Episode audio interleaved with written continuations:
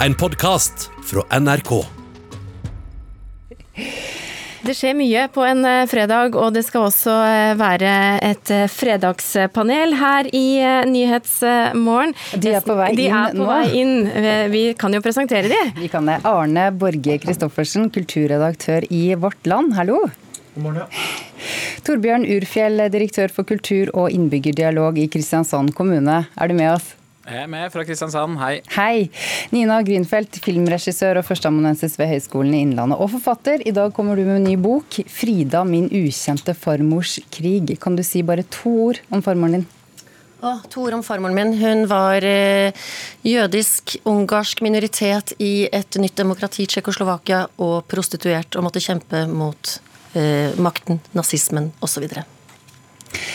Teater, opera og museer. Alle avlyser nå for å forebygge virussmitte. En av dem som fortsatt håper å kunne spille på festivalene i sommer, er eh, artisten Astrid S. Så for jeg har veldig lyst til å spille festivaler, det er noe av det gøyeste jeg vet. Så ja, Man får bare krysse fingrene og gjøre alt man kan for å hindre at det smittes mer. I said I hate you, I was angry. Første spørsmål er går vi nå inn i en kunstnerisk eh, tørke? Nei. Nei. Ja, det gjør vi. Jeg håper det. Da begynner vi med deg, Kristiansand. eh, Torbjørn Urfjell. Ja. Hvorfor går vi inn i en tørke? Jeg sitter jo her som byråkrat. Jeg sitter i kriseledelsen i Kristiansand kommune. Eh, Vi har fått et oppdrag, og det er at vi skal forsøke å lage så lite aktivitet i samfunnet at eh, viruset stopper opp eller utsetter smitten så lenge at ikke mange folk blir eh, syke samtidig. Det betyr at det må tørke opp nå.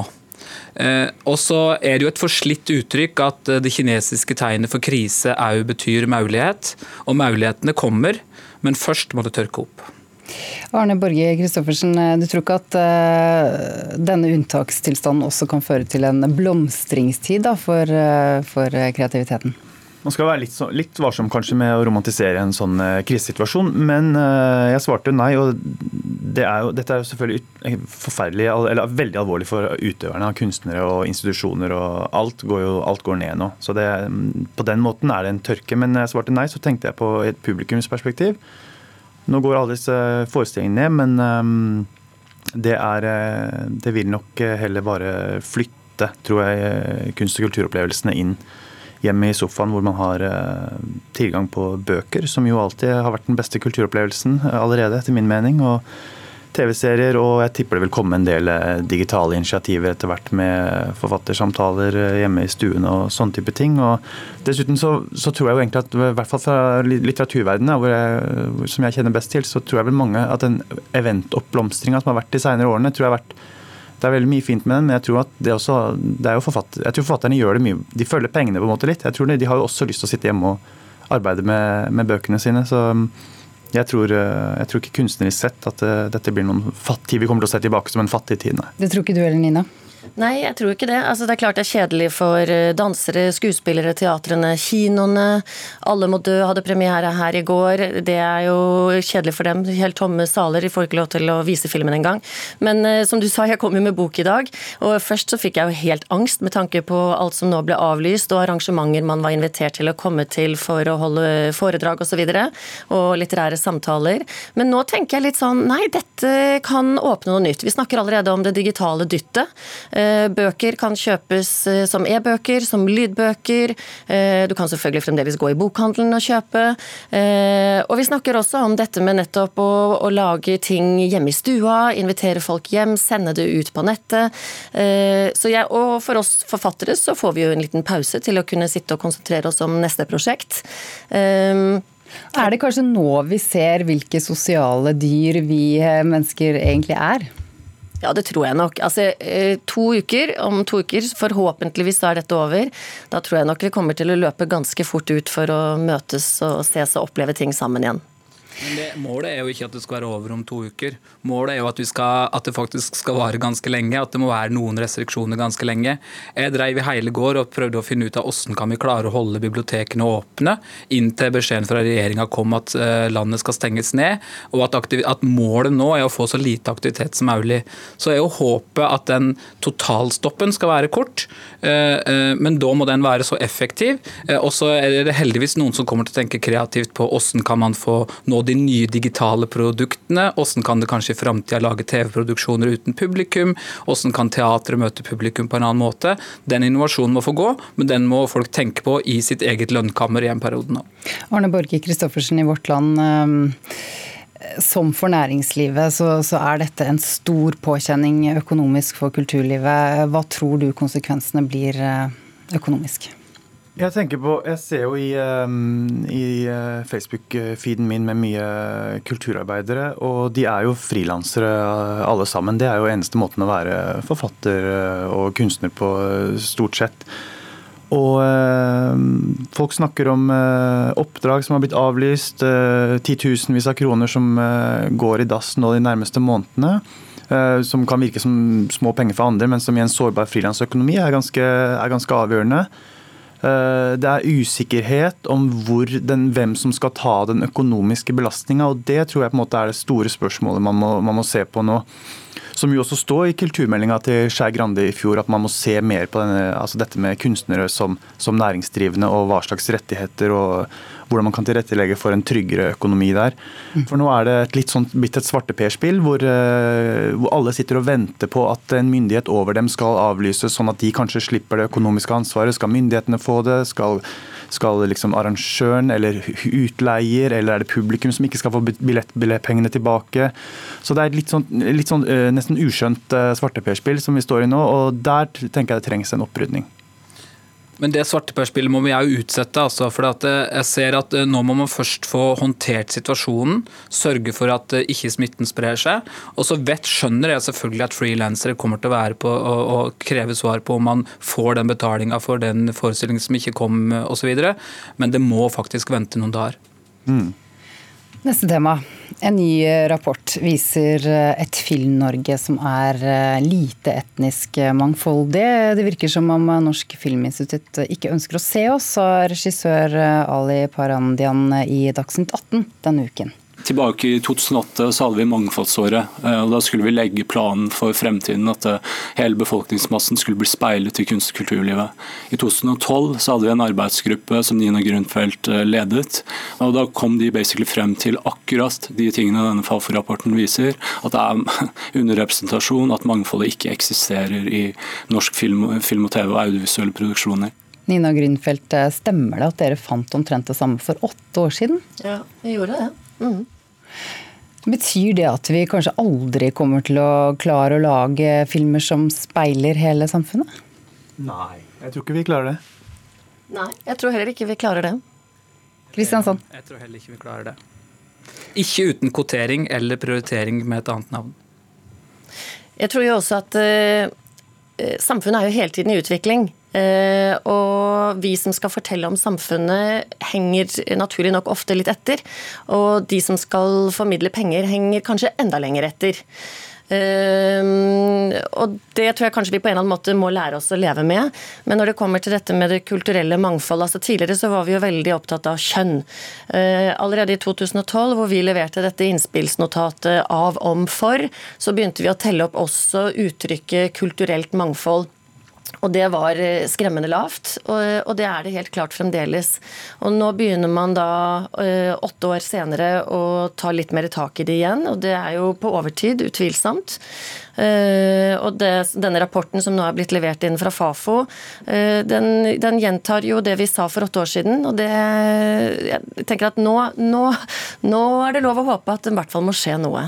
Rapporten slår altså fast at problemet med mangfold i norsk film kan ligge i filmbyråkratiet og hos dem som tildeler produksjonsstøtte. Tror dere det?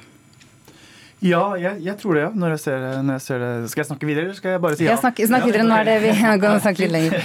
Eh, nei, jeg, jeg kikka på denne rapporten. Altså det, den, eh, det, som er altså lyset her, er vel at denne rapporten er bestilt av NFI selv. Så, og de visste nok at det sto dårlig til, så de har jo valgt denne offentlige selvpiskingen. Men er det jo også en veldig norsk eh, tradisjon å, å liksom alltid bestille en rapport, for da føler man seg veldig ansvarlig. Så det må jo følge noen konsekvenser av det her. og og dette berører jo ikke bare NFI. Det var jo en Klassekampen-artikkel her eh, rett før jul som eh, omhandla eh, hele Kulturrådet, hvor de kom fram til at 13 av 388 i det administrasjon og fagutvalg og stipendkomiteer hadde ikke-vestlig bakgrunn. Og det er, eh, altså det Uansett måtte, hvor kritisk man måtte være til identitetspolitikk, eller hva man skal kalle det, dette er, veld, det er veldig veldig lavt. altså. Jeg har bare lyst til å kommentere på at Vi har blitt ganske flinke etter hvert til å telle, og som du også nevner her, at vi utsteder hele tiden eh, oppgaver om å komme med nye rapporter fra Kulturdepartementet og fra de ytre etatene. Men vi har ennå ikke begynt faktisk å telle reelt sett kroner og øre. Det hender at vi selv gjør det for å påpeke hvor grov skjevheten er. Men vi teller stort sett antall prosjekter. Men hadde vi begynt å telle fordeling av kroner og øre, gjøre, som det jo faktisk er det det handler om, i forhold til kjønn, i forhold til ulike kulturelle bakgrunner, så hadde jo dette bildet vært enda mer grovt. Da skifter vi tema igjen. Eh, da skal vi tilbake til, eh, til eh, koronaviruset. Donald Trump stanser flygninger til Europa. I Kina forsøker myndighetene å få legene som først slo alarm, til å tie. Det fortalte vår korrespondent Kjersti Strømmen i går igjen ønsker ikke oppmerksomhet om at eh, det faktisk oppsto i Kina og spredte seg herfra pga. De, den dårlige håndteringen opprinnelig. Og blant annet så er jo en del av propagandaen her i Kina nå at eh, de ikke er sikre på om dette faktisk kommer fra Wuhan. Og vår egen helseminister advarer også mot falske nyheter eh, om dette. Er omtalen av viruset og faren det setter oss i også en kamp om sannheten? Ja, det tror jeg. Nei. Ja, det er det. Da begynner vi med deg, Torbjørn Urfjell, eh, direktør for kultur- og innbyggerdialog i Kristiansand kommune. Hvorfor er det det? Nei, altså Det er jo en forventning om umiddelbare svar. Eh, og det er jo eh, slik at folk har litt ulike kompasser for hvordan svar skal gis. Skal man gi et svar ut ifra å tilpasse kartet etter terrenget, eller motsatt? Og jeg tror at vi i Norge har en forståelse av at vi tar inn over oss den situasjonen som er, og agerer ut ifra det. Og så vet vi at vi har en annen demokratisk tradisjon og et annet demokratisk sinnelag enn Kina og Trump.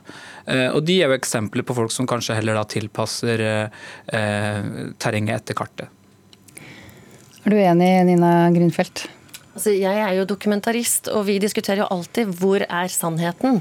Vi vet jo at den flytter seg hele tiden, og det tror jeg den gjør i denne sammenhengen også. Og her er det jo så mange stemmer som snakker om ett tema hele tiden. Eh, det er ikke noe rart at folk blir litt forvirret. Man lurer på hvordan man skal forholde seg, hvor grensene går, hvor lenge vil dette vare? Eh, og det fins ikke alltid helt klare svar. Eh, og da er kampen om sannheten, den er utfordrende utfordrende og vanskelig? Ja, nå svarte jeg nei fordi at svaret måtte på en måte være ja, men når jeg likevel ville si nei, så tenkte jeg ut fra uh, situasjonen i Norge de siste to dagene. Mm. For da syns jeg kampen om sannheten er over og vunnet. Uh, det er ikke, jeg, jeg, tror ikke lenger det er en veldig mistillit til hva er det som er tilfellet og ikke. Det er en konsensus, og det er ikke bare at man følger myndighetene, men man ser det i mellommenneskelig. Man møter folk, man har felles normer. Det er, lenger, det er ikke lenger, stilig å trekke fram en litt sånn bråkjekk hånd og skulle håndhilse på døden. Eh, så den på den måten mener jeg at eh, kampen om sannheten her er over. Det tror jeg du har helt rett i. Samtidig så tenker jeg at det, det, på et eller annet tidspunkt det skal bli veldig interessant å se da, om et halvt år hvordan vil vi oppleve sannheten da. Mm. Eh, og vil vi til og med påstå at vi var alle sammen altfor omforent om én sannhet, som du påpeker her. Eh, det er det jo ettertiden som skal dømme oss på. Hva tror du nå da, Nina? Nei, altså jeg tenker at vi er litt engstelige. Sånn er vi mennesker, og da tyr vi til en konsensus. Eh, men på sikt så tror jeg nok at vi vil se at det fins aldri svart og hvitt, det fins bare tusen nyanser av grått. Men når det dør eh, tusen stykker i Italia som ikke er så langt unna, så er det jo alvor for helsevesenet? Absolutt. absolutt. Og, og det er å banne kjerka på dette tidspunktet og si at eh, la oss også huske at så og så mange mennesker dør av sult hver dag, mm. fordi at dette er epler og appelsiner og alt dette her. Men, men jeg tror vi alle sammen også tenker er dette blåst opp, eller er det ikke? Og nå er vi blitt enige om at nå er det alvor, og det skal vi stå ved. Men samtidig så må vi jo beholde beholde en kritisk evne og tanke og refleksjon, da. Og så må vi jo klare å, akseptere at man kanskje må vente litt på noen svar. for at Jeg sitter jo i lokal beredskap, og det forventes jo at liksom ti minutter etter at regjeringa har eh, gitt et svar, så skal du svare på om foreldrene må betale for SFO hvis ikke ungene skal, skal gå dit. Jeg tenker at Noen sånne ting må faktisk vente litt. Og så er vi helt avhengig av tillit. Svar vil måtte komme underveis eh, og eh, etter hvert. Og så må vi ta det viktigste først.